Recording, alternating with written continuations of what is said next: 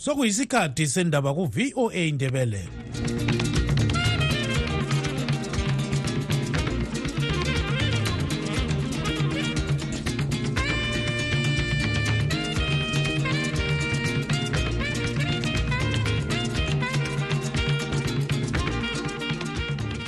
olamukela emsakazweni westudio 7 ngolwesine mhla ka-25 zibandlela 2024 ngutabo kancube endabeni zethu lamhlanje.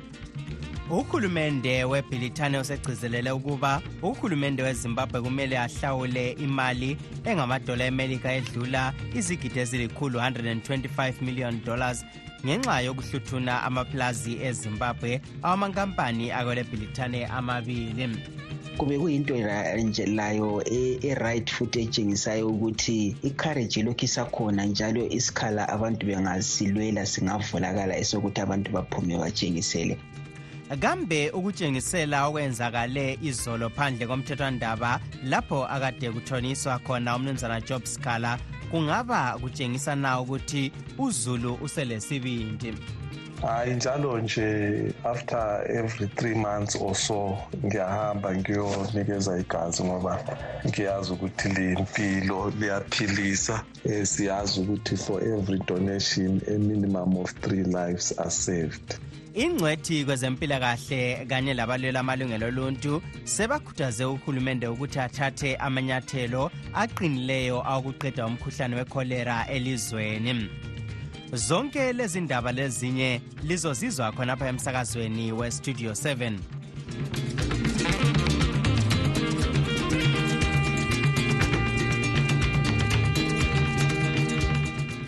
iphephandaba lebulenjini ele-upper news libika ukuba umthethwandaba waphezulu okwelebhilithane ulaye izimbabwe ukuthi ilandele isinqumo salo elasethula ngomnyaka ka-2015 esokuthi ihlawule izigidi ezingamakhulu edlula ikhulu zamadola emelika i-125 million us dollars kumankampani amabili athathelwa amaplazi kuhlelo olwaqhutshwa ngohulumende olokuthatha umhlabathi usabelwa uzulu olwe-land reform program.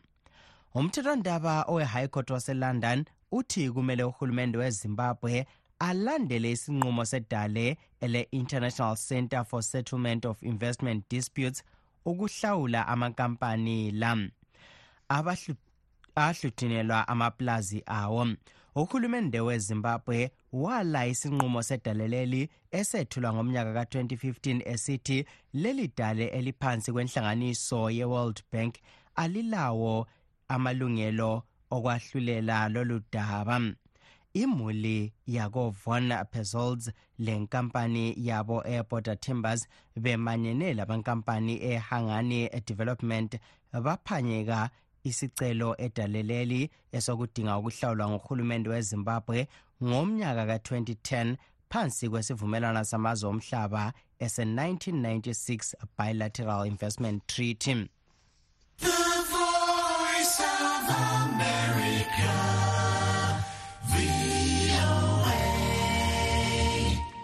Izolo kube lokutshengisela phansi komthethwandaba kamantshi harare ngesikhathi kuthoniswa icala lokutshotshozela udlakela eletheswa umnumzana job sikhala owebandla le-triple c amapholisa awatholanga ithuba lokubopha abantu laba ngoba bephange bachitheka.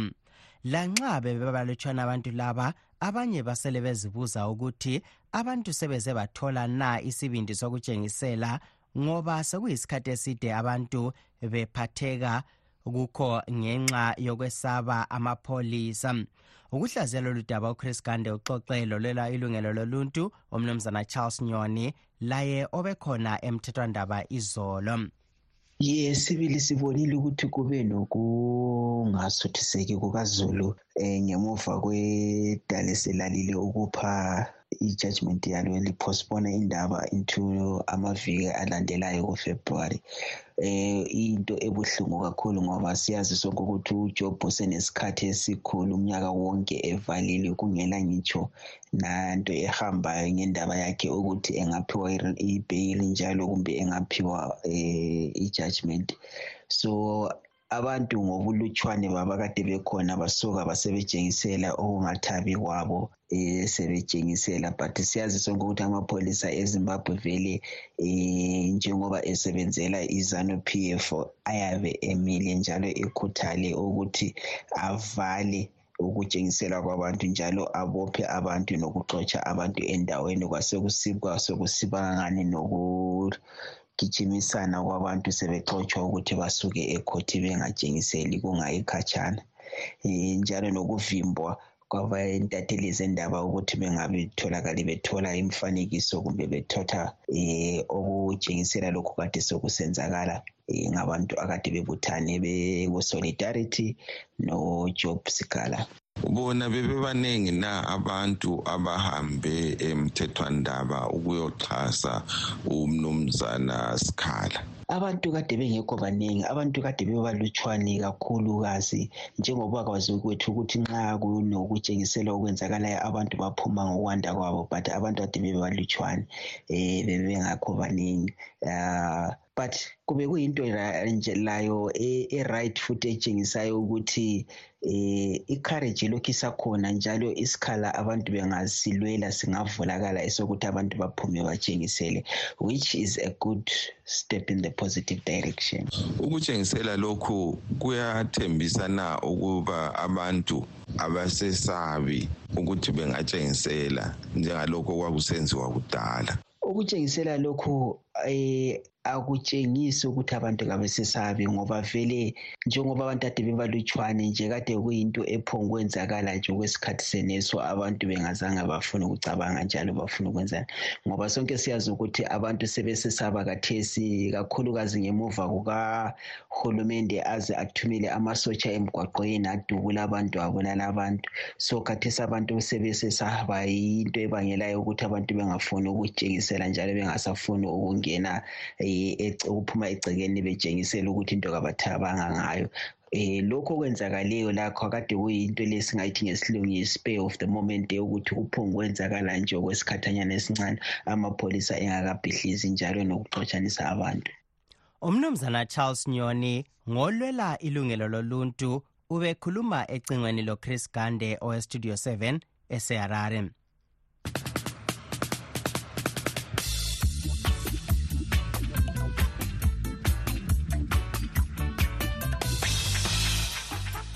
ingcwethi kwezempilakahle kanye labalwela amalungelo oluntu sebekhuthaze uhulumende ukuthi athathe amanyathelo aqinileyo awokuqeda umkhuhlane wekholera elizweni. Umkhuhlane lo usumemetheke ngelizwe lonke wabulala abantu abedlula amakhulu amane 447 umphathintambo wezempilakahle umnumzana douglas mombeshora wazise izolo ukuthi abantu asebebanjwe yilo mkhuhlane sebesedlula inkulungwane ezingamakhulu angamachumi amabili 20121 njalo abelatshwe basila bazinkulungwane phose ezingamachumi amabili 19442 umombeshora uthe njalo ikholera esikhona eziqintini ezingamachumi ayisithupha 60 district njalo ihlasele kakhulu eharare xitungwiza buhera gutu chiredzi mazowe lasembire sixoxele siphathamandla senhlanganiso ye-matabeleland institute for human rights umnumzana khumbulane maphosa. Abantu babulele nguhulumende ngoba ikholera ukuze ibe khona yisenzo sikahulumende. Nxa sesisola ikholera ukuthi ibulela abantu sengani ikholera izisukele lapha kade isuka khona yalanda abantu yafika yababulala. Kukanti ikholera-ke ibuyile kakhulu ngenxa yokuthi okokuqala hulumende wakithi wehlulekile ukuthi abone ukuthi kulamanzi ahlanzekileyo atholwa ngabantu ngokweneleyo insuku zonke emakhaya lemadolobheni elizwe. Okwesibili uhulumende wakithi kavumi ukuthi into yakhe leyo kuthiwa yizimbabwe national water authority zilwa yehluleka kudala siphakathi kwekholera nje kungumfuzelelo kumbe ukuthi kuyimpumela yokwehluleka kwezinwa so nxa singablema singathini ikholera ibulela abantu? Asithini izinwa ibulele abantu. Ngoba izinwa yehlulekile ukuthi kube lamanzi ayehlanzekileyo. Ngokwehluleka lokhu kwasekungenisa inxeba lokungena kwekholera ayiphombanga ukungena nje ngenxeba lokuhlatshwa isipikiri izinwa yebo lihlezi liyisola kanti labaningi bayayisola. Alubana ithe yakhitshwa ke izinwa umsebenzi wamanzi ukoqhutshwa njani? Um kunomthetho welizwe okuthiwa yi-devolution of power ekuconstitution yezimbabwe um izinto ezinjengamanzi into kumele zehliselwe ezabelweni kususwe kuzinwa kuhanjiswe kuma-local authority. Um singakhumbula ngicela sibuyele emuva kancane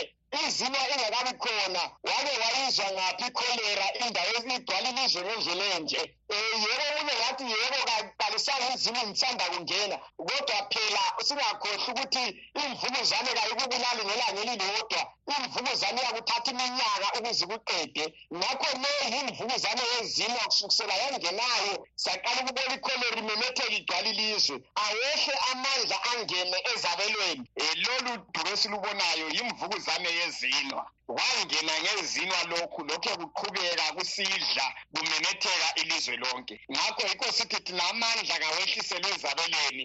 Ama-local authority kawazikhangelele bona ukuthi amanzi azayenziwa njani atrithwe njani ahanjiswe njani ebantwini.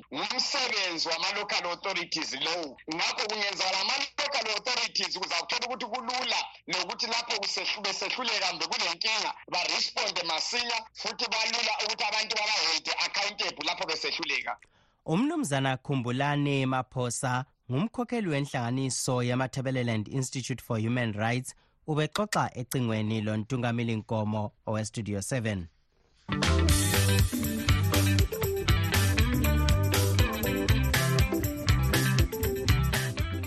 ilizwe libikwa liphakathi kokusilela kwegazi lokusiza abagulayo. Kobulawayo khona kubikwa lisilela ngoba bengekho abapha igazi leli. Sixoxele wake waba nguseneta umnumzana khaliphani phugeni obehambe ukuyopha igazi watshelwa ukuthi eselikhona ngelakhe lomunye obeke wayakupha ileli gazi esibhedlela sebulawayo central. Ke sizwe ingxoxo ayenze lo chris gande owestudio 7 Eh ngibele nemsakazi ngibingela abalaleli emakhaya ngibonga ithuba lokuthi sixoxisane.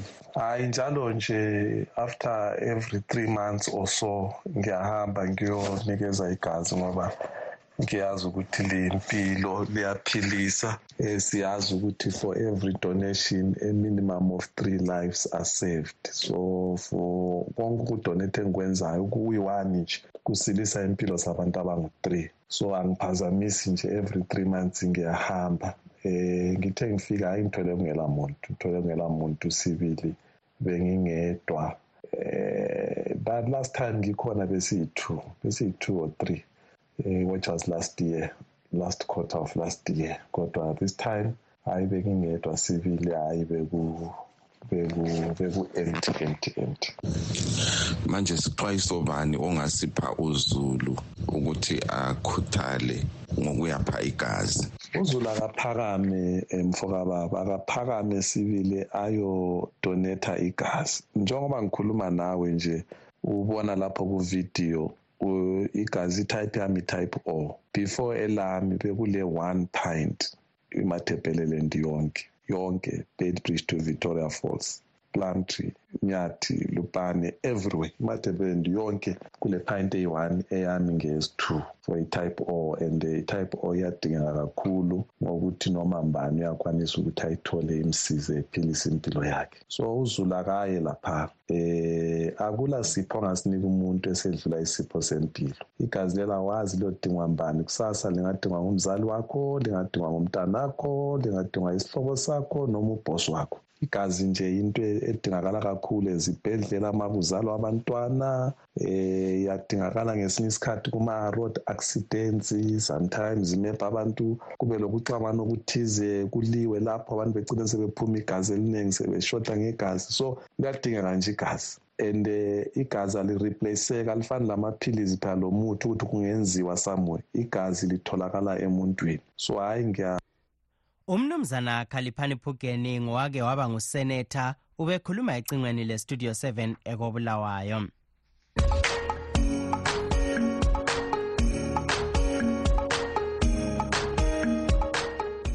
Okwamanje sengidedela emuva ngilichiya ezandleni zenu lina balaleli bethu kumbono yenu elisithumele ngewhatsapp.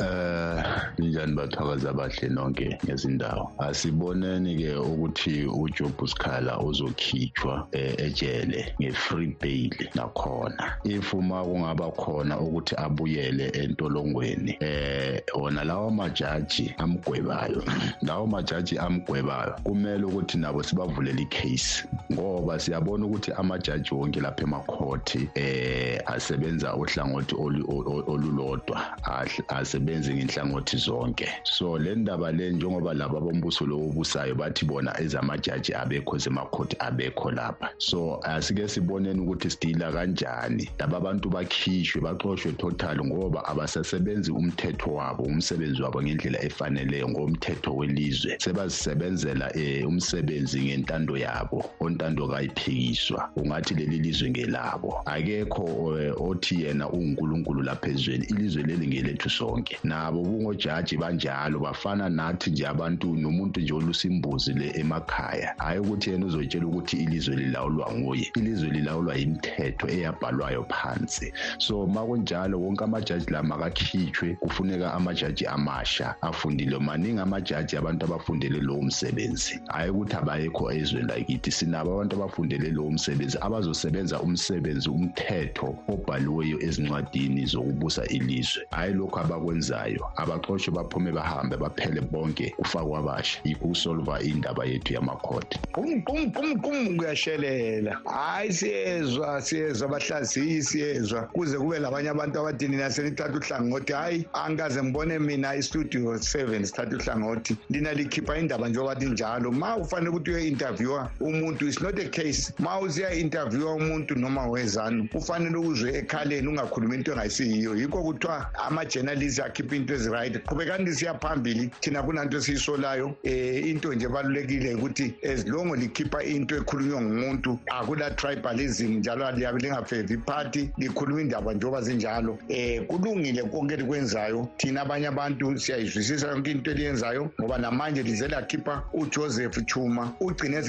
umuntu bamtshela ekhaleni. Ekhaleni ayi siyambonga lo baba osebenza umsebenzi ongaka ubaba wasenkayi. Thank you very much. Qhubeka litshela abantu ekhaleni singatshela abantu ngefoni ngoba ngefoni yikho kulamanga khona. Thank you very much bye hayi siyabonga siyabonga studio seven siyabonga siyabonga siyabonga siyabonga. Nge- ngendaba elisinikeza lona. Hayi namhlanje sike saphumula ngendaba zabochabango lezi labolokhuzeko sike saphumula ngendaba zabochabango Ah, studio seven studio seven livuka kanjani? Ah mina ngilesimanga lapha uchabangu lo. Amandla lawo angizwisisi ukuthi kuhamba kanjani? Amagqwetha e-ccc every time besiye ecourt kuthiwa ba- amaphepha abawayenzanga ngendlela so nganto amagqwetha angikhona angani awazi umsebenzi awe-ccc ukuhamba kanjani kahle kahle? Because ah, always amaphepha abathi engekho ngendlela. Lo nqoba isithole nguyesehleze wini okachabango yayi lo nqoba isithole sekungani kuthiwa umbeni ngani sengowepolitiki ukukhuluma kwakhe asiyoyokwegqwetha i think like siwabhadala ubhadalwa izanu lo. Akusokukhanya kanye kanye asiyokukhuluma kwegqwetha sokungokwepolitiki lo. Ah msakazi lapha sengathi le ndoda engumalakhi nkomo iyaphosisa mayithi izanu yalwela ilizwe. Ngabe uthi yena izanu yayikhona makulwelwa ilizwe?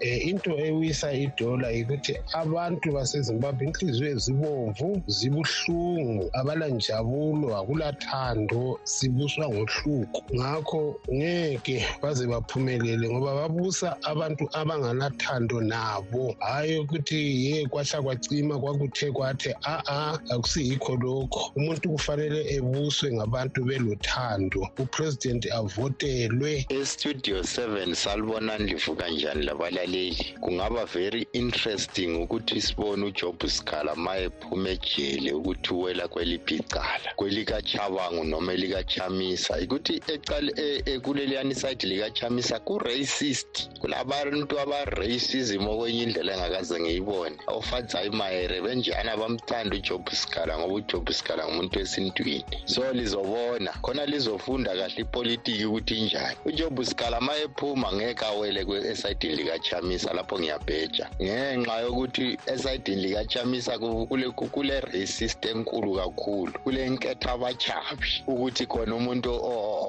ongayisiloshona akatholi isikhundla esiphezulu lapha so ujob scala ma ephuma it's very interesting ukuthi sibone njengelizwe ukuthi kona welaphe kweliphi icala kwelikachabang noma kwelikachamisa yabo sanibonani sanibonani studio seven igama uvusa umuzi umntakahadeke ubhongane umthimkhulu um ngicela ukwazi sani bakithi ngicela liqaphele into ezininginingi lezi itsho amastendi la adayiswa la amastendi adayiswa ngela nto esishonile kakhulu ngamastendi nakithi emathekeleleni emajekeleleni akeyiqaphele le ndaba le. Kuya noma ukuthenga ukuthenga abantu bangathi emajekeleni la ukuthenga abantu besishoni bathenga njani besishoni bengela besishonini umntu asiwakibe bezohlala ngapho uhlala kanjani endani? Angasigodleni asingosangakibe kuhleni uma kusasa sithiwa sobho sithiwa singesishonini le khona ngaphakithi emadekeleleni angaze mbona umuntu wangapha emadebeleni esuke siyakhala emashoneland kanti mina oxoshwa yini yiwo cela kanti sisiqaphele abantu basemadekeleni lesiqaphelele indaba le ngilele enkundleni ngithi livuka njani basakazi? Abantu bakobulawayo baveza kudala ukuthi zanu aba abayifuni. Um bakhuluma kudala umuntu ofuna izano p f kobulawayo kuphela nguchabangu labombuso labo-albert mhlanga yibo kuphela abafuna izano kodwa abantu basezimbabwe abantu bakobulawayo izano p f abayifuni. Bakuveza kudala lokhuyana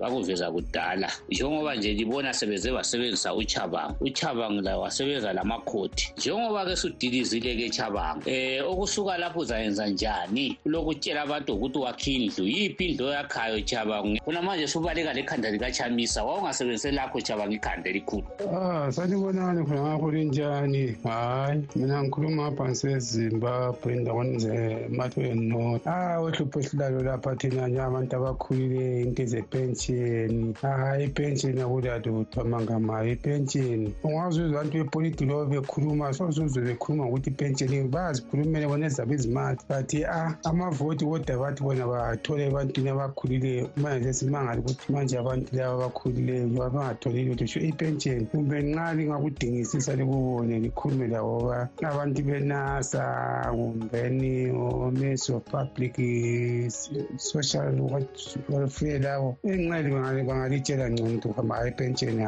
kulalutho mangamabili mhlamba le. Siyabingelela siyabonga studio 7 eh mina ngicela ukuthi besikhululele uJob Sikhala ejele abantu bezanu ngoba ikhoti ngeyabo bengabantu bezanu. Icala lika Job Sikhala silazi ngelokuthi lilunga le Triple C. Njengoba i Triple C sebeyidilizile bayinikeza usengezo chabango. Asisekho isidingo sokuthi umntana nomuntu afele ejele esizwe inhlungu zomphefumulo wakhe lengane zakhe zihlupheke uJob Sikhala. Akusela Triple C ayiyo ibotshelweyo abamkhulule nje ngokuthula. Naye ezihluphekele njengathi singaphandle esizwa ubuhlungu esinabo. Sibona izanu pf itanasa isenza khona okwekwenzayo isidla yonke into eyabantwana bezimbabwe. Konke kudliwa ngumuntu wezanu nje kodwa ingane zakithi zihluphekile. Sibukela usengezo chabangu ehluthuna i-c ezandleni zabo nelson chamisa ethembe amakhoti ezanu. So sithi nxese abamkhulula ujob sikhala umuntu wenkosi aziphumulele ngoba yikho into abasebembophelayo ni-triple c akusela lutho. Sizalibona elinye icebo unkulunkulu uzosibona elinye indlela siyabona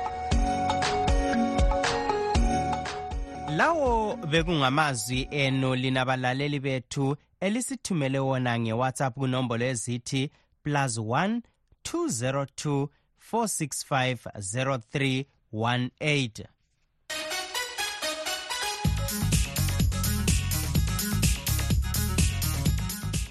kwezemelika owayengumongameli welemelika umnumzana donald trump unqobe njalo ancintisana laye unkosikazi nikki haley kukhetho lokudinga ozamela ibandla lama-republicans kukhetho lokudinga umongameli welemelika olwenziwe ngolwesibili esigabeni senew hampshire.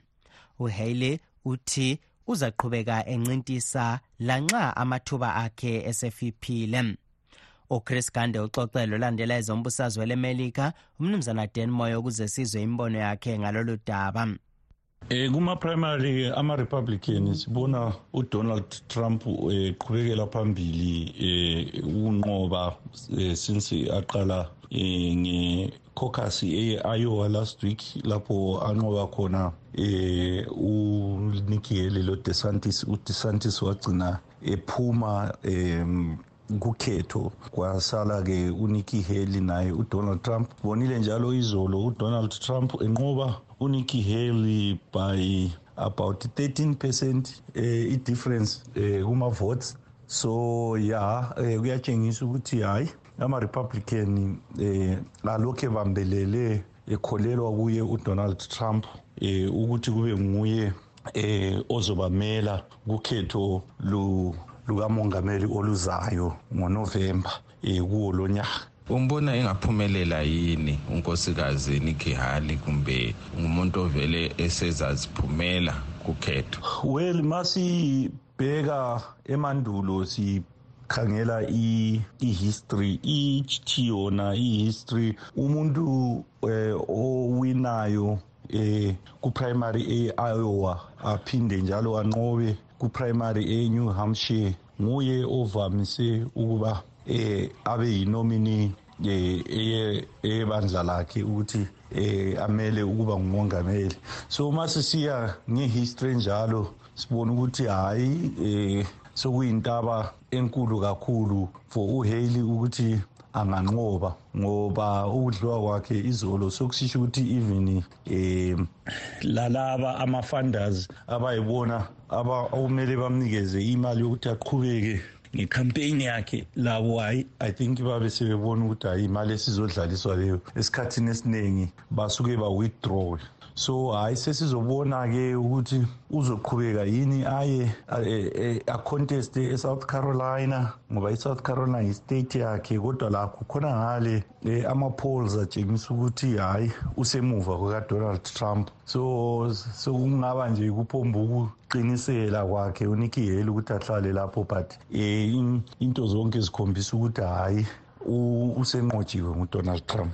Umnumzana dan moyo ucubunguleza umbusazwe ubekhuluma ecingweni lestudio 7 esevirginia khona ngapha kwelemelika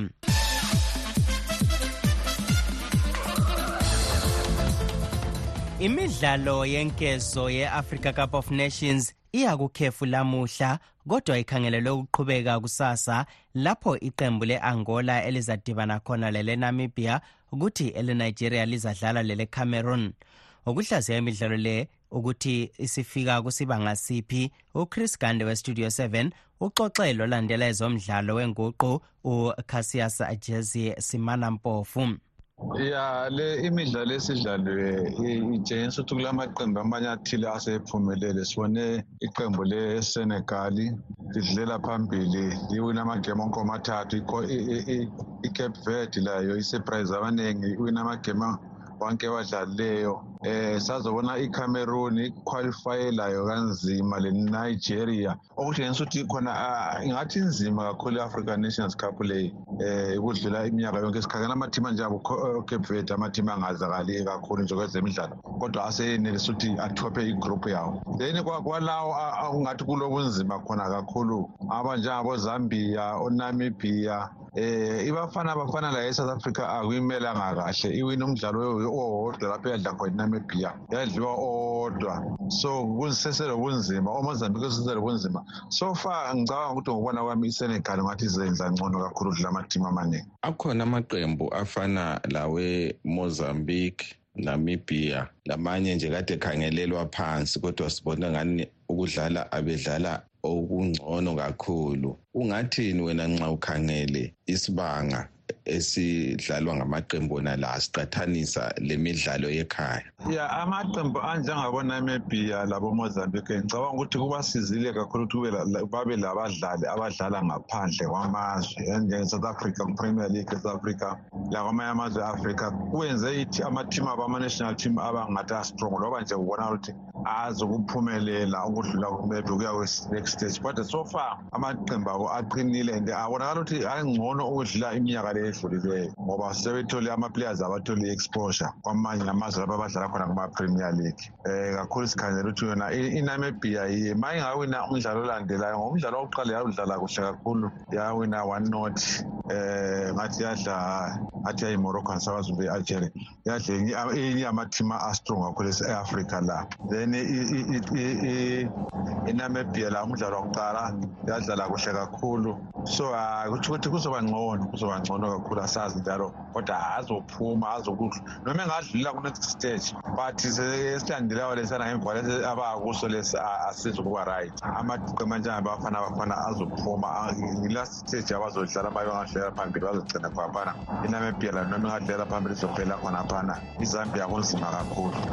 Ucassius mpofu ngolandela ezomdlalo wenguqu.